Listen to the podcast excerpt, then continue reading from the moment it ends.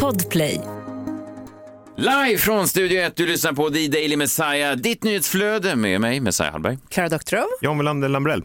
Det är ju då eh, egentligen dygn två av eh, friheten som, som inleds. Det jag hade missat egentligen, det var för jag läste artiklar och så såg jag då igår att, att redan då natten till frihetsdagen, alltså redan eh, precis efter tolvslaget, så var ju folk ute och firade. Frihetsafton ja. Ja. Ja, alltså i, bara i Malmö. Ja, men det var ju väldigt roligt. Jag läste här i Aftonbladet, de var ju där då. Alla var Eh, där. Ja, först i kön stod 19-åriga Hilda och var extremt sugen på att dansa. Äntligen kan man leva livet och känna att man är fri, säger Hilda. Jag ska dansa och så ska jag gå ner split. Det är det jag ska göra. Jag ska leva livet och jag ska bara dansa, vara med människor. Samma sug kändes hennes 18-åriga vän Moa. För henne var det första gången hon gick på nattklubb. Jag är så taggad på att dansa, jag har dansat i hela mitt liv och nu jävlar, nu gäller det. Jag känner att jag inte fått uppleva dansen på det sätt jag velat, säger eh, Moa. Någon som har upplevt dans många gånger men längtat efter att få uppleva det igen, det är den 36-åriga John som flugit in från Stockholm. det känns som att jag vaknar ur en ond dröm, säger han innan han dansar iväg från Aftonbladets reporter. Så du var där? Roligt. Ja. Nej, det, det var jag inte, men kul för Otroligt. Malmöborna. Samtidigt då för Messiah då ska man läsa i DN idag. Igår slopades pandemirestriktionerna i Sverige och det är fritt fram för vaccinerade att både kramas och trängas. På vattenjumpan på Hagabadet i Göteborg är det fler än vanligt i bassängen. Det är jättekul att fler kan vara med på passet nu. En gång var vi bara sex stycken, säger Ulla Malmberg, 83. Jag instämmer, säger Messiah Hallberg. Där var du. Fast den där, ja, det är roligt, den där, den där fejkade du bara. Den är här. Nej, Här är den. har Ja, här, där är den här, ju. är Här artikeln. är den. Här är artikeln.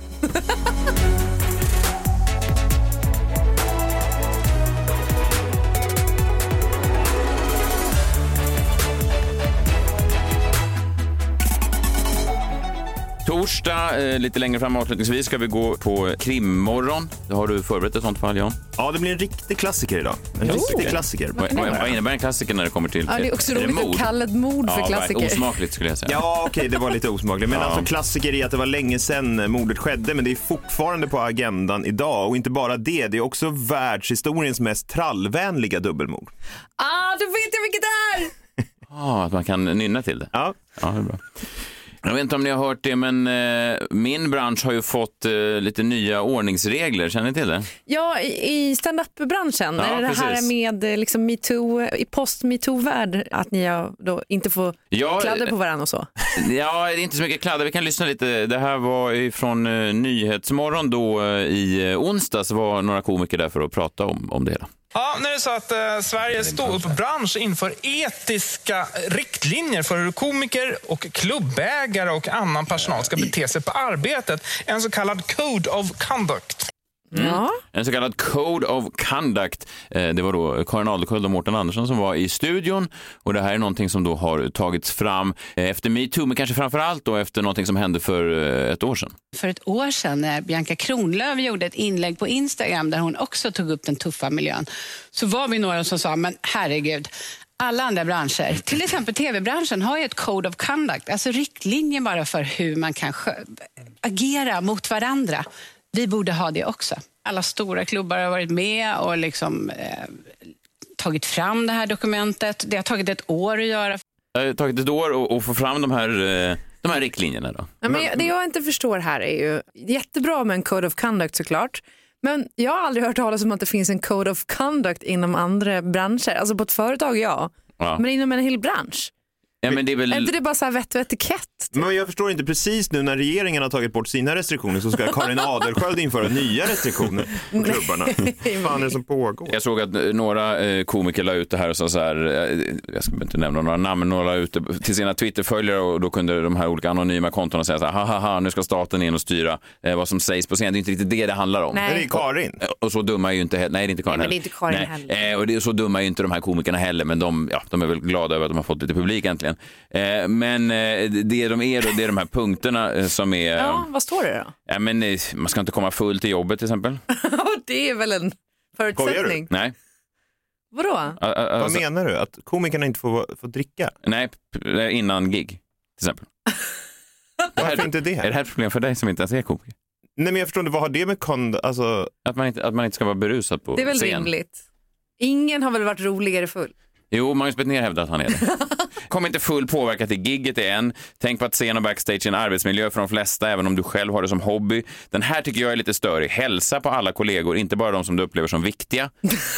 Eh, alltså, Ja, det där är lite över gränsen kanske. Ja, eller, alltså, jag hälsar ju sådär, men just att, att det, fin- det är väl mer som den här typen av, av conduct, då, att man ska vara så här en trevlig kille. Den mest störiga är, är en som är så här, efter gigget då, då ska man stanna kvar eh, så länge som möjligt för att visa respekt för alla. Och sådär. Va? Ja, efter, gig, av kollegial respekt. Och det, kan, det kan man ju fatta. Alltså, jag kan ha, Nej, alltså, Nej jag köper inte det alls. Varför inte det? Vadå, ska jag sitta kvar här eh, hela dagen för att visa respekt för de andra poddarna som poddar här i det här huset? Mm. Ska jag... Ja, så här, om man är en rookie till exempel, om man är helt ny som komiker, så kunde jag vara provocerad av komiker som kom in och, och bara eh, lämnade och inte stannade kvar för att de flesta komiker är så dåliga så att de har ju någonting att lära sig av eh, oss, de få som faktiskt är bra. Ja. Eh, Så. Är Eh, det så de har tänkt när de eh, har infört de här? Jag antar det. Okej. Ja, att det finns liksom en kollega. Och jag fattar den grejen, för många blev upprörda på mig när jag var rookie och jag kom in, gjorde mitt gig och sen drog. Ja. Då tyckte de att jag var ett as. Liksom. Att jag inte visade respekt för Men de här det är väl ditt problem, eller? Det är väl din, din business? Alltså vems business? Alltså, så här, jag, jag, förs- jag förstår fortfarande inte. Jag tycker det där är jättemärkligt. Eh, eh, liksom. Jag, jag menar att man ska känna en, en slags broderskap. Men vadå broderskap? Det är inte en jävla sekt. Ja, men det, man, man har ju en kväll, man står ju på en affisch tillsammans. Det är väl det som är tanken. Ja, jag vet inte. Jag tycker fortfarande att det är märkligt. Ja. Karin Andersson var där, Mårten Andersson var också där. Jag vet inte hur involverad Mårten Andersson har varit i framtagandet av det här, eh, men han passade på i alla fall att få in en vits. Jag vet inte om det var en freudiansk vits. Ja, men jag var inne på att jag skulle läsa igenom det här innan, att jag, innan jag kom hit, men jag var tvungen att leta papperskorgen i min mail efter dokumentet. Tyckte det var kul. Så att jag stryker nog det. Rolig. Ja, jag vet inte om det var ett freudianskt skämt. Fast, nej, jag vet inte. Jag tycker att det är på detaljnivå. Alltså, så här, att inte vara full på jobbet, det kan jag förstå. Det är väl rimligt. Mm. Respektera den sentid du har fått. Ja, Eh, det rimligt. tycker jag också är Ja, rimligt. ja. Att man, eh, absolut. Men det är ju, ja, jag vet inte. Håna inte en kollega från scen om den inte har bett om det. Vadå, gör folk det? Men Ja, okej, ja. så ingen mer roasting då? Nej, alltså inte ofrivillig roasting. Sen är det svårt att applicera på det. Man måste ju komma ihåg att komiker är jävligt luddiga personer och vilka egentligen delar jag eh, egentligen mer med någon sån här allmän rookie på Big Ben än jag delar med liksom en vanlig alkis på en vanlig parkbänk. Eh, eh, Nej, men förstår du vad jag menar? det, alltså det du efterfrågar, Klara, finns det ett broderskap eller ett systerskap i den här branschen bara för att man råkar hålla en mick någon gång per år? Ja. Eh, Det är väl tveksamt kanske. Nej. Finns det någon komikerkollega som jag ens bryr mig om? Är det så illa? Nej, men jag vet inte. Nå- ja, kanske. Ingen? Eh, Så här, om det skulle vara en stor bussbrand Just på Med en all- buss brinner det. med alla Av svenska ställen. komiker. Råbussen. Ja. Var är den på väg? Ja, men en rå på kryssning, Galaxy, Galaxy, de ska sjunka. Ja, precis. hur, må- hur många skulle jag bry mig om om de så att säga, var på livbåten? Kanske tre. Kanske Mårten, kanske ja, två till. Men, men det, det Vilka då, då? Vad sa du? Vilka då? då? Jag ska inte säga vilka det är, men kanske Dominik Hensel och kanske något till. Isak Jansson kanske. Nisse Hallberg skulle rädda också. Ja. Och eh, David Druid kan få följa med. Okej. Ja, där har vi det. That's the list everyone. Men vadå, det, så- det kan man väl få tycka? Ja. Vad Behöver man en code of conduct som säger att man inte får tycka det eller som säger att man Nej, inte nej, får visst. agera ut efter det? Alltså, så här, Får ni dricka efter giggen då? Ja, det får man. Då får man vara jättefull. Men det är det som, Eh, det Då, då måste man, står det något, då måste man vara jättefull. Man måste, men det är också det är lite tudelat, för det det står är ju så här, inget drickande innan gigget, Nej. men efter, då ska ni fan mig stanna kvar och supa. Ja, det är exakt lite det så. det står, eller hur? och då måste ni hålla på och socialisera med de andra. Mm. Bera Druspe tycker jag också är trevligt. Jaha, nu, nu går du igenom alla. Okej, eh, Ahmed Beran tycker jag är ja, bara män lägger jag märke till här. Josefin män? Sonck då? Har du du? någon? Josefin Sonck då? Mm. Nej. Jo, det är trevligt. Hon kan få li- ligga efter båten. med Karin Adelsköld då? Vad sa du? Karin Nu Adelsköld? måste vi gå vidare. Nu är det dags för en ny vignett.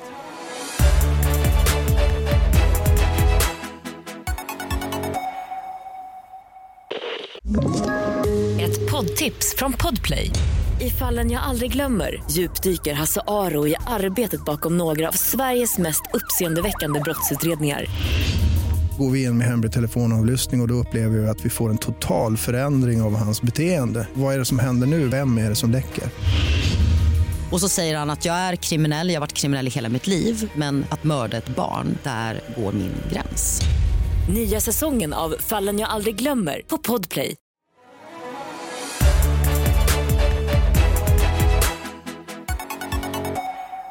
Att Mårten Andersson satt då i en intervju om de nya Conduct och sa att han hade slängt det i papperskorgen. Ja, men det var ju ett skämt. Jo, men ändå roligt. Ja, det sa- Bakom varje skämt Ja. finns det lite ja, sanning. Det sa någonting.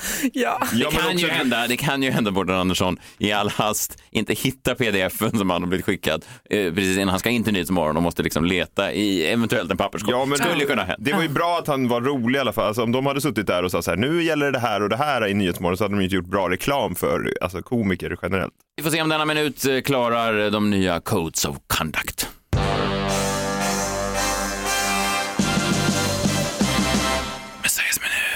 Uff, det är lite nervöst såklart med, med nya förhållningsregler även för oss poddlallare. Men gäller de här reglerna alla komiker i deras övriga liv också? eller bara när de nej, är på jag tror scen? man ska vara, ja, det här är väl, var väl främst då tror jag som komikerklubbar. Vilket jag som sagt, jag tycker att det är väl fint att ha det i åtanke, man inte ska vara ett as. Sen vet inte jag om vi komiker är eh, värre as än några andra människor. Nej, Alltså, det sådär. är såklart ni inte. Har du ett dåligt rykte bland dina kollegor?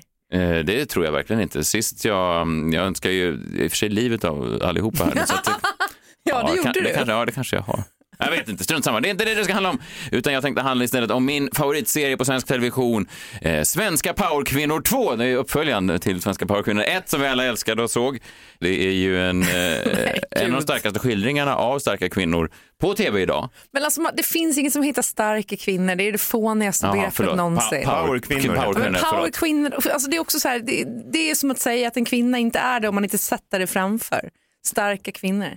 Det är kvinnor, punkt. Men powerkvinnor finns Alla kvinnor är väl starka, vi behöver inte säga Nej, jag har sett en del kvinnor som jag tycker verkar djupt svaga. Alltså, liksom, ingen respekt alls för dem. andra komiker. Så, komiker. inte bara komiker, även andra kvinnor som jag tycker inte alls har någon styrka. Vadå? nej, men det är folk. Strunt samma. Eh, nej, men det är väl kul tycker jag med powerkvinnor för att powerkvinnor tar ju över vår värld och powerkvinnor är också ett jävla bra format för att det är omöjligt att kritisera powerkvinnor för att då är det, ja, någonting som vi varit inne på eh, tidigare här i vår lilla programserie, då skulle man lätt kunna titulera det som kvinnohat. Va? Stoppordet. Stopp Ja, kvinnohat, vilket är, är ju en fantastisk grej. För jag har ju sett att kvinnor tar ju ofta de här grejerna som man skulle kunna gå åt ganska hårt. Men nu är det då kvinnor, de är smarta också, eh, olika eh, kampanjer som tas fram. Då är det ofta att man använder en stark kvinna, för då vet man att kritiken mot en eventuell kampanj kan liksom inte riktigt sättas dit för att det är då en kvinna som frontar den. Är ni med? Ja. Ja, alltså, det är lätt att avfärda till exempel Margot Ditz om vårdkrisen när hon ska intervjua Irene Svenonius. Man säger, ha ha ha, varför ska hon göra det? Men då säger man, vadå, hur vågar du, Messiah Hallberg, ifrågasätta en powerkvinna? Nej, men, Kanske de säger. ja, alltså, men- alla, alla kan väl vara, vara mottagliga för kritik. Det ska ju liksom inte spela någon roll om du är kvinna eller inte. Nej, fast... eh, Det var Folk gör du... ju fel oavsett. Ja, men du skickade det här till mig, Klara. Jag såg att eh, influensen och, och bloggaren och, och mångmiljonären Therese Lindgren, eh, hon är nu den vi har skickat ut för att reda ut om det blir en invasion från Ryssland. Eh, det här Ja. gick upp på hennes YouTube-kanal och samarbete med Försvarsmakten, det gick upp i, i igår kväll. Och det var ju jävla starkt alltså. Nej, men jag, såklart man har många frågor. Jag har många frågor. Mina barn blir ju livrädda när jag spelar olika sådana krigsklipp. Therese, jag vet inte om ni har du menar att Therese Lindgren ska då vara den som berättar för Sverige om Ja. vi är i krig eller inte? Ja, och framförallt också tror jag hon talar för många av oss hur läskigt det här är. Det här är klipp, jag vet inte, men skratta inte. Det här är ju allvarligt. Det här är ju, det här är ju kvinnohat nu, Klara. Det är inte Det här är kvinnohat. kvinnohat. Det här är Nej, jag, rent. hatar inte, jag hatar inte Therese Lindgren. Nej. Jag tycker väl ingenting om henne. Hon Nej. är väl toppen. Oj, ingenting. Men Försvarsmakten Tror däremot. att det där Code of Conduct behövs? Ja, verkligen. Speciellt den här studion när det gäller kvinnohat. Ja, Okej, jag har i alla fall ett klipp. Jag vet inte om John och Klara har hört det här. Det här kom ju upp igår kväll. Det här är då Therese. Det här är efter eh, Försvarsmakten och då är Therese, jag antar, jag tog det från hennes YouTube-kanal, hon är då tagen av eh, samtalet de har haft och eh, det som är så starkt och det som är, kanske har gjort henne till den hon är så framgångsrik som hon är, det är att hon har vänt på begreppen och nu bryter hon då den fjärde väggen och nu talar hon direkt till, jag antar att det är till Putin eller till, till ja, ryssarna. Oj. Ja. Alltså om det finns någonting som kommer få mig att sluta med Youtube så är det liksom ni. ryssarna. Och jag, jag vet ni, det här det är inte normalt och det är inte att man ska behöva stå ut med sånt här bara för att jag har en Youtube-kanal. Jag tycker om att redigera videos och jag tycker om att lägga upp sminkvideos. Jag vill inte att folk ska vara här. Jag vill inte att folk ska komma hem till mig. Och så känner vi väl alla. Vi vill inte att ryssen ska. Nej, men det här har om du tagit, du har ju tagit det här ur sin kontext. Nej, verkligen inte. Det här är från det senaste klippet på hennes YouTube-kanal. Jag antar att det är direkt till ryssen. Oj, hon verkade väldigt Jo. drabbad. Ja, men såklart, såklart, man blir, såklart man blir superdrabbad när man, när man får höra från Försvarsmakten också vad ryssarna har gjort då, till exempel i, i, på Krimhalvön och så vidare. Det är ju en ren invasion. Men eh, vä- vänd bort ifrån Therese Lindgren för hon skulle kunna vara vilken influencer som helst som får det här uppdraget. Det är bara märkligt att Försvarsmakten går eh, till influencers och bara så här, ah, vi testar den här vägen för att nå ut med vår information. För att den här pamfletten som hette När kriget kommer, den var kanske lite eh, liksom, skrämmande. Ja, kanske. Ja, jag strunt samma. Jag tycker det är, jag hyllar i alla fall powerkvinnor. Jag har ju sett hela nya säsongen. Jag tycker den är kanon. Vi minns ju alla den trallvänliga eh, introjingen intro-jingeln. They say it's a men's world. Men's world. So we Du ska- can show you strong. Shows Like a woman can. like a woman can. Ska du sjunger narrate det här? Vad sa du? Ska du narrate det här? Nej, jag bara Fan vad sjung- kul om du skulle vara berättarrösten i Svenska powerkvinnor. Ja! Nej, jag skulle inte göra en rättvisa. Det är i alla fall eh, Camilla Läckberg, Lalla Bagge och eh, många andra. Lalla Bagge. Ja, eh, det är många andra och det är en eh, gripande serie då. Hur når man framgång? Hur är man en stark kvinna? Vad gör en framgångsrik kvinna på en dag och vad är karaktäristiskt för en powerkvinna? Jag är ju drottningen av myskläder. Jag har en med katter och så en med hundar. Det är min favorit. Den är så skön. Jag vet inte vad jag ska göra när den går sönder. Nej, men det They say it's a men's world. Show you can. What a woman can. Jag är ju drottningen av myskläder. Jag har en med katter och så en med hundar. Det är min favorit. Den är så skön. Jag vet inte vad jag ska göra när den går sönder. Men det som är så briljant då, det är ju att man använder kvinnor det här och man kallar det powerkvinnor för att slippa då, eh, eventuellt finns det ju brister i programmet, det kanske inte är jättespännande hela tiden, men det är ju svårt att kritisera för då får man höra, ah, är du rädd för en stark powerkvinna? Och det är jag verkligen inte. De som är med då i eh, powerkvinnor, det är Keyyo, Antonia Mandir, Dr. Mona och så Laila Bagge och Camilla Läckberg. Det är alltid kul när man skriver till exempel Hollywood nu så gör man ibland att man skriver en film och sen byter man ut då könstillhörigheten på huvudrollerna bara rakt av så att de som är skrivna som män blir då kvinnor till exempel. Just det. För att se om, om kan det här öppna upp en ny portal, kan det här eh, ja, kanske highlighta då vissa fördomar som man kan komma till bot med då. Till exempel om man, om man skriver en karaktär för en man så skriver man på ett visst sätt och sen bara switchar man det och ser. Skulle det bli mer Smart spännande? ju. Ja, men det, jag vet att de gör så mycket när de skriver Hollywood. Och det gör ju även jag. Jag är ju inte sen att hoppa på de senaste trenderna från eh, USA. Så då har jag satt ihop, eh, istället för då powerkvinnor så har vi då powersnubbar. Vad tror ni om det? Eh, ja, få höra pitchen. Pitchen är inte så mycket, det är fem män då som berättar hur fan man tar sig fram och hur man hankar sig fram och hur man är en riktigt kraftfull snubbe egentligen. Eh, men då behövs det då motsvarigheter till de här kvinnliga eh, deltagarna. Och då den kvinnliga versionen i Powerkvinnor som Camilla Läckberg, då, en författare som trots osannolik framgång inte riktigt accepterats av kultureliten, kanske på grund av att de ibland hoppar på saker som inte riktigt anses fina nog. I Camilla Läckberg då ursprungsversionen och då i mansversionen så är det eh, Björn Ranelid tänker jag. Ja, Eller hur? ja. Mello, Let's Dance. Känns som att han skulle ställa upp på det Ja, också. exakt. exakt. Sen har vi Laila Bagge, då, det är den kvinnliga versionen. Radiopratare som älskar att se andra människor nå framgång. Det är det hon säger direkt när man slår på Powerkvinnor. Hon gillar att prata i radio och så gillar hon att se andra människor nå framgång. Jaha. Ja, då tänker jag manliga Gert Fylking. Jag trodde han var död. Vad sa du? Är han... Nej. Nej, han han är inte är, och även om han skulle vara död så skulle man inte se stor skillnad. Så han, han, han är klar. Då har vi Ranelid och, och Fylking. Sen har vi Keyyo då. Hon är charmig, knäpp youtuber som prioriterar humor och garv, men också eftertanke. Ja, manlig motsvarighet, då är det eh, Joakim Lundell.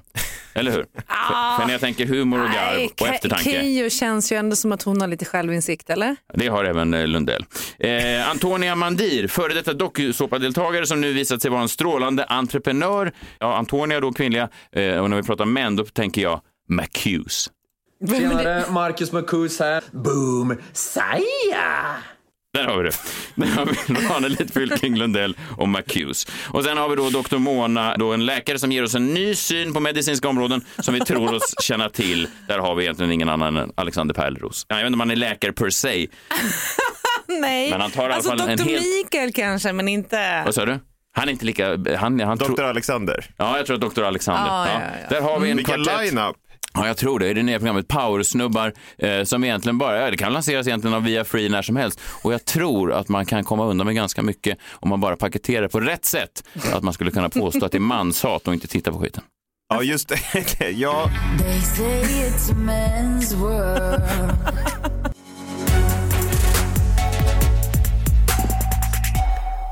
När vi spelade in sist, Klara, så eh, du fick något, något samtal, va? Det var någon som skrev, eh, vad, vad, sa- det var en kompis som hörde av sig till dig. Ja, och så, och så skrev hon alltså riktigt alarmerande, typ du måste ringa mig innan du sätter dig i bilen. Du får inte köra hem. hjärta. Och då tänkte jag, nu fan, nu har ju någon i vårt kompisgäng dött. Ja, precis. Jag var med i eh, ett tv-program för ett tag sedan och eh, då var det den eh, kvinnliga eh, kollegan som jag satt med. Eh, Hon fick ett sånt eh, sms då. Du, ring mig så snabbt du ser det här. Och då var det just det att någon av hennes eh, vänner i bekantskapskretsen hade gått bort. Ja, precis. Nej, det- det- det- det- Man blir ju liksom ja. iskall, hjärtat bara sjunker. Eh, och så, liksom, vi, vi satt ju här också, hade framtidsmannen här och sådär. Jag visste inte, ska jag avbryta och gå ut eller vad ska jag göra? Liksom? Nej, just det. Hur hanterar han en sån sak? Ja, exakt. Han borde ha Nej. sagt till då om han visste att det skulle hända. Så. Ja, men, eh, nej, men så, så var jag tvungen att, att ringa upp sen då, och då visade det sig att det inte alls handlade om att någon hade dött utan det var någonting ännu värre. Är det så? Men för, för det låter ju också så innan du sätter dig i din bil. Det är också ett jävla dåligt sätt att eventuellt hinta att det finns en bilbomb där. Alltså det är sådär ett Så, nonchalant är sätt det att säga. någonting som är med min bil nu? Ja. Det borde kan man säga rakt ut. Ja. Det sitter en bilbomb under din bil. Ja, det är sant. Det är någon som kan ha mixtrat med bromsarna. Jag försökte säga till henne. Ja, nej, men det som det var i alla fall, eh, jag tänker att vi ska lyssna på det och jag undrar om det inte ändå kanske var värre än, än ett dödsfall. Varmt välkommen till Mother Blessing av Klara Doktorows tredje barn.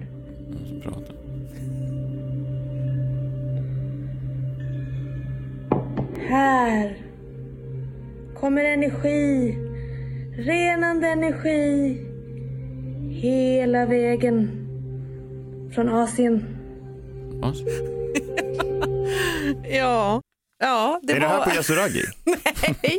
Nej men det var då så, jag har väl pratat om det innan i podden här att, eh, att eh, det finns ett ny, en ny grej som heter Mother Blessing som är då en andligare approach till eh, en baby shower helt enkelt. Så då kom jag hem till en av mina vänner då och så har de gjort en ceremoni för mig men det var liksom lite mer för att en Mother Blessing kan man göra på tusen olika sätt. Det är ju från början från eh, liksom, eh, ur- ursprungsbefolkningen i, i Amerika eh, som har då liksom, man typ bränner salvia och man håller på med grejer. Det här var lite som att klungan hade tolkat en mother blessing. Ni vet humorgruppen Klungan. Ja, just det. Norrländska. Ja. Eh, Något överskattade tycker jag.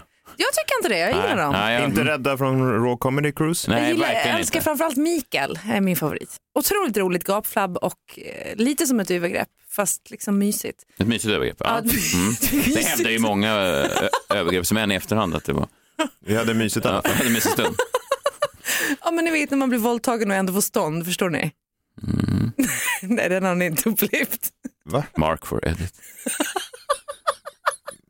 Nej men det jag skulle säga var att Mm. jag blev så himla glad för det handlade ju om, de hade skickat liksom meddelanden från hela världen höll på att säga, det låter som att jag är eh, Britney Spears Ja. men, men, eh, nej, men de som inte kunde vara på plats och sen så eh, liksom umgicks vi och pratade och hade en mysig kväll så det, det var väldigt mysigt och eh, eh, ja, men lite spirituellt. Ja, Absolut. Men det var ju då en, eh, ett steg upp från den här, vad gör många andra kvinnor nu för tiden? De gör sådana här blöjtårtor och sånt där. Precis, alltså inte en massa så här att man ska köpa en massa prylar och Nej. sånt där utan eh, bort med allt det. Ja. och mer så här, liksom ha närvaro och, och umgänge. Eh, man kan kanske ge personen en massage om den vill ha det. Mm. Jag blev liksom masserad fast med en leksakstraktor. Ja, Alltså, vad det var- det var precis som urinvånarna gjorde va? John Deere plasttraktor från Landsmännen. Vad konstigt det låter. Ja, det var konstigt. Ja. Det var väldigt Men nu är du redo då att få barn? Ja, Är du blessed? jag är blessed. Just det. Fint. Det kanske finns fler sådana grejer man kan appropriera från olika urinvånare. Ja, fast jag tror inte du ska springa runt med leksakstraktorer och dra över kvinnor. Nej, den där går jag inte på Nej, igen. du måste tänka på Code of Conduct nu. Ja, precis, Står det med. Messiah dyker upp med en leksakstraktor och drar över Karin Adelsköld rygg. Hon bara håller upp en broschyr. Läs punkt 4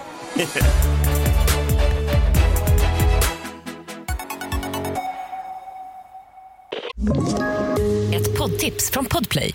I podden Något Kaiko garanterar östgötarna Brutti och jag, Davva, dig en stor dos skratt.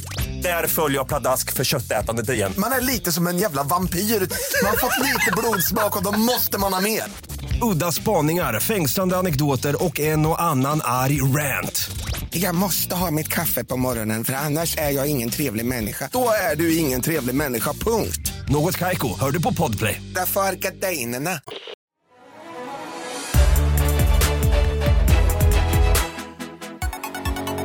Varje torsdag så eh, kliver han in i studion. Du är ju här alla andra dagar också John, men, men det känns som att just torsdagar är din dag. Ja, det, jag får ta med mig min passion in i studion. Ja, det är härligt. För ofta så är, vet jag att du glömmer passionen eh, långt utanför studion. Ja, men kan någon klandra mig? Nej, verkligen inte. Krimmorgon. Han är här, hans passion är här. eh. Vad skrattar du åt? Det är så roligt. Passionen är liksom en separat del av dig. Någonting som liksom hänger lite bakom. Ja. ja. Du går igenom ett krimfall varje torsdag och idag sa du att det var ett trallvänligt krimfall. Ja, världshistoriens mest trallvänliga dubbelmord. Och det är, det är en riktig klassiker. Det är ganska många fall faktiskt som fyller jämnt det här året, har jag Jaha. lagt märke till. 2022 då. Och eh, det här är ett av dem. Det är 130 år sedan eh, i år det här skedde. Jag tänkte eh, berätta lite om det. Det är då fallet Lizzie Borden. Lizzie Borden föddes och levde sitt liv i staden Fall River, Massachusetts. Hennes pappa var Andrew Borden och hennes mamma dog när Lizzie var två år. Lizzie hade också en syster, Emma, som var nio år äldre. Pappan då, Andrew Borden, han gifte om sig och hans andra hustru, Abby, och de två systrarna Lizzie och Emma levde ett mestadels tyst och stilla liv fram till 1892. Lizzie var aktiv i kyrkan och hon skötte undervisningen i söndagsskolan. Och där kunde berättelsen om familjen Borden ha slutat. Det hade inte varit kanske så mycket av en berättelse. Nej, det var kanske tur, inte för Lizzie då, men, men tur för oss att den inte tog slut där. För då... Nej, det hade inte varit jättekul. Nej. Eh, Men eh, istället då så börjar ju berättelsen just här, 1892. För historien om Lizzie Borden har varit föremål för över 20 filmer, hundratals böcker, operor, teatrar, dokumentärer, musikaler. Både låtar, artister, rockband och wrestlingtränare har uppkallats efter henne. Östgötateatern eh, i Sverige har nyligen satt upp en musikal om henne kallad Lizzie. Eh, och googlar man hennes namn får man nästan 8 miljoner träffar. Faktiskt samma siffra som Omar Rudberg hade fått i röster om inte Melloappen kraschat. Aj då. Tråkigt för honom. Ja, det var tråkigt. Men så varför är Lizzie Borden så berömd? Och hur kan det komma sig att barn fortfarande sjunger en sång om henne? Eftersom det här var så pass länge sedan, då 1892, så ska jag försöka hitta nutida motsvarigheter så det blir liksom lite lättare att hänga med. För Lizzie Bordens pappa var en rik affärsman, men han var försiktig med pengar. Han lät inte sina två döttrar få ett öre. Det är ungefär som om Jesper Parnevik inte skulle dela med sig något av sina högst välförtjänta hundratals golfmiljoner till Peg och Penny. Ja, det var trist. Ja, men det hade varit lite tråkigt då, så systrarna fick liksom ingenting och det var därför som de två döttrarna fortfarande bodde hemma i 30 och 40-årsåldern. De hade inte råd att flytta hemifrån helt enkelt. Lizzie var eh, 32 år och ogift. Hon hade aldrig riktigt fått ihop det med någon man. Men pappans snålhet kom att bli ett problem, som det kanske ofta blir. Eh, speciellt då när han köpte ett hus till den nya styvmammans halvsyster. Ja, det är lite... Alltså är ni med nu? Nej, inte riktigt. Eh, alltså pappans nya fru, Pappans nya fru, ja. ja, hon hade en halvsyster. Och papp, Ja. den snåla pappan sa, ja men jag köper ett hus till din halvsyster. Men inte min till nya de fru. egna. Men mina döttrar, de får bo kvar hemma trots att de är 30 och 40 år gamla. Så Lizzie Borden blev ju väldigt upprörd av det här. Mm. Alltså frugans halvsyster fick ett hus och inte hon. Så den 4 augusti 1892 så vaknar Borden-familjens kammarjungfru Maggie av att Lizzie ropar Maggie, kom snabbt, far är död. Någon kom in och dödade honom. Fast på engelska då. Man tillkallade polis direkt och, och i huset så hittade polisen Lizzys pappa i soffan. Han hade blivit ihjälhuggen med en yxa. Och på ovanvåningen hittade man styvmamman, också hon ihjälhuggen då med många slag. Mm. Väldigt många. Det är dubbelmord och det är väldigt brutalt och det gör ju att polisen först var övertygad om att det här måste ju varit liksom en stark man som har kommit in och begått det här brottet med en yxa. Powerman. En powerman, exakt. Vem av dem? Säsong tre. Kan ha varit McCute. Ja, precis. Och eh, en portugisisk immigrant som var helt oskyldig greps först då, men släpptes därefter. Och det var först efter några dagar som polisen började bli lite undrande över Lizzie. Det var något som inte stämde med hennes historia. Mm. Och sånt gillar man ju när saker och ting inte stämmer. Ja. du gillar det. Ja, jag gillar meningen i något som inte stämmer. Du har ju länge hävdat att det är din favoritmening. Jag kan inte komma på en mening som är mer kittlande än det är något som inte stämmer. Vet du vilken, vilken jag tycker är den mest kittlande meningen? Eh, Messiah, äppelpajen är klar. Men också, Vem säger det? Min fru. Har ett sånt förkläde och en, en sån, vad heter en sån där man Det låter ju nästan sjukt. Det låter som att hon har förgiftat äppelpaj. Messiah. Garanterat. Äppelpajen är klar. Ja, okej. Med det där stora leendet. Men då kommer jag in och säger det är något som inte stämmer.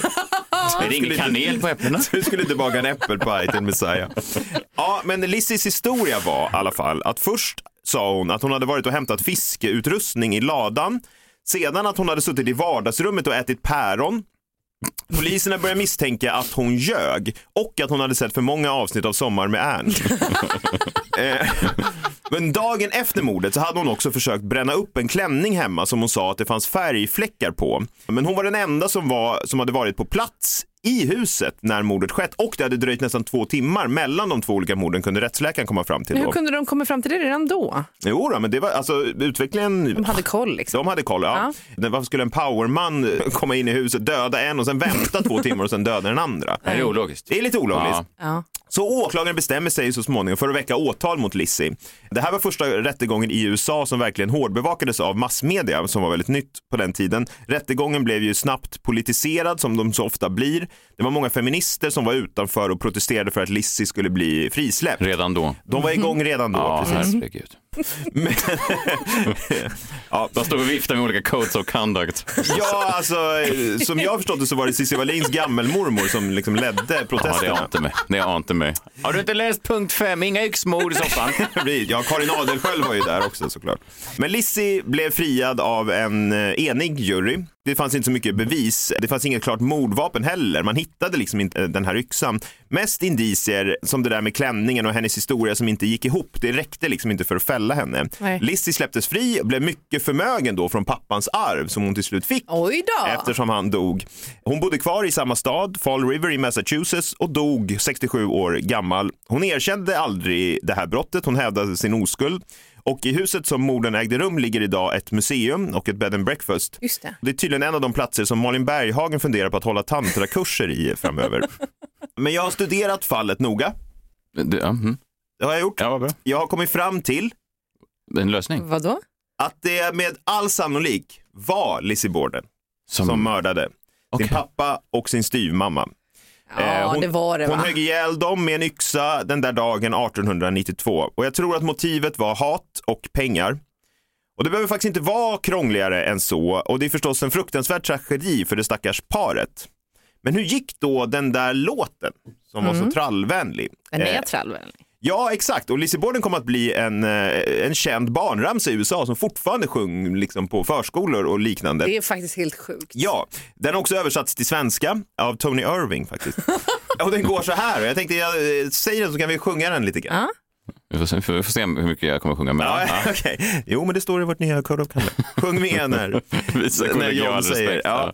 Lizzie Borden took an axe, gave her mother 40 whacks. When she saw what she had done she gave her father 41. Ja. Ja, på svenska blir det ungefär Lizzie Borden en yxa tog, sin moder 40 gånger slog. När hon den döda modern sett högg hon fadern 41. Snyggt. Och hur går melodin? Ja, den går, den går, alltså Lizzie Borden took an axe, gave her mother 40 whacks. When she saw what she had done she gave her father 41. Åh, kul. Kan man roligt. hoppa, eh, hopprepa och sånt där ja? Gud vad roligt, vad festligt. Ja, det är ett av de mest trallvänliga morden som du sa. Ja, det kan man verkligen Ja, säga. verkligen. Och det var historien om Lizzie Borden. Ett dubbelmord så oförklarligt och brutalt att vi fortfarande har svårt att förstå det exakt 130 år senare. Åh, Gud, jag förstår ingenting. Nej, men det är, eh, tack för det där. Vad kul att du tog med att du kom in, både du och din passion. Ja. Och imorgon får du komma in både du och din jombola. Nu känner jag hur Ja, passionen börjar ju- lämna rummet. Eh, Är det Du imorgon kan inte bo- få båda och. Nej, vet, är det inte imorgon också som vi får eh, lyssna på de nya eh, mellolåtarna? Ja. Ja, just det. Ja, eh, det är ju kul inför den andra eh, deltävlingen och man får trycka till och så där vidare om man, om man tycker att det var var bra eller inte. Eh, Om det inte går vidare så tryckte vi så här va? Det här var nästan lite för bra för Mello. För, för Mello, precis som det var för Omar Rudberg eh, förra deltävlingen. Vi hörs imorgon, då är det fredag hörni. Eh, Försök att ta det lugnt där ute nu. Vissa hävdar ju att det för de här frihetsdagarna redan nu har spårat ur. Du hävdar det. Du ska väl ut och äta middag redan ikväll? redan ikväll. Ja, du var ute igår också åt middag. Ja, men det är annandag frihet. Det är ju otroligt. Hur många middagar ska du äta? Lugna ner dig. Ta tillbaka restriktionerna. Vi, eh, vi hörs imorgon. Jag är redo att bli inburad igen. Det står faktiskt här i min eh, egen personliga code of conduct. Ja, Men det kanske du borde. det kanske är bäst för alla. Ja, nu ska jag till badhuset. Vi hörs imorgon. Hej!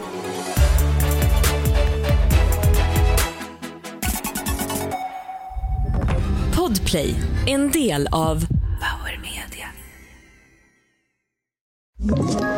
Ett poddtips från Podplay. I podden Något Kaiko garanterar östgötarna Brutti och jag, Davva, dig en stor dos skratt. Där följer jag pladask för köttätandet igen. Man är lite som en jävla vampyr. Man har fått lite blodsmak och då måste man ha mer. Udda spaningar, fängslande anekdoter och en och annan arg rant. Jag måste ha mitt kaffe på morgonen för annars är jag ingen trevlig människa. Då är du ingen trevlig människa, punkt. Något Kaiko, hör du på Podplay. Därför arkadeinerna.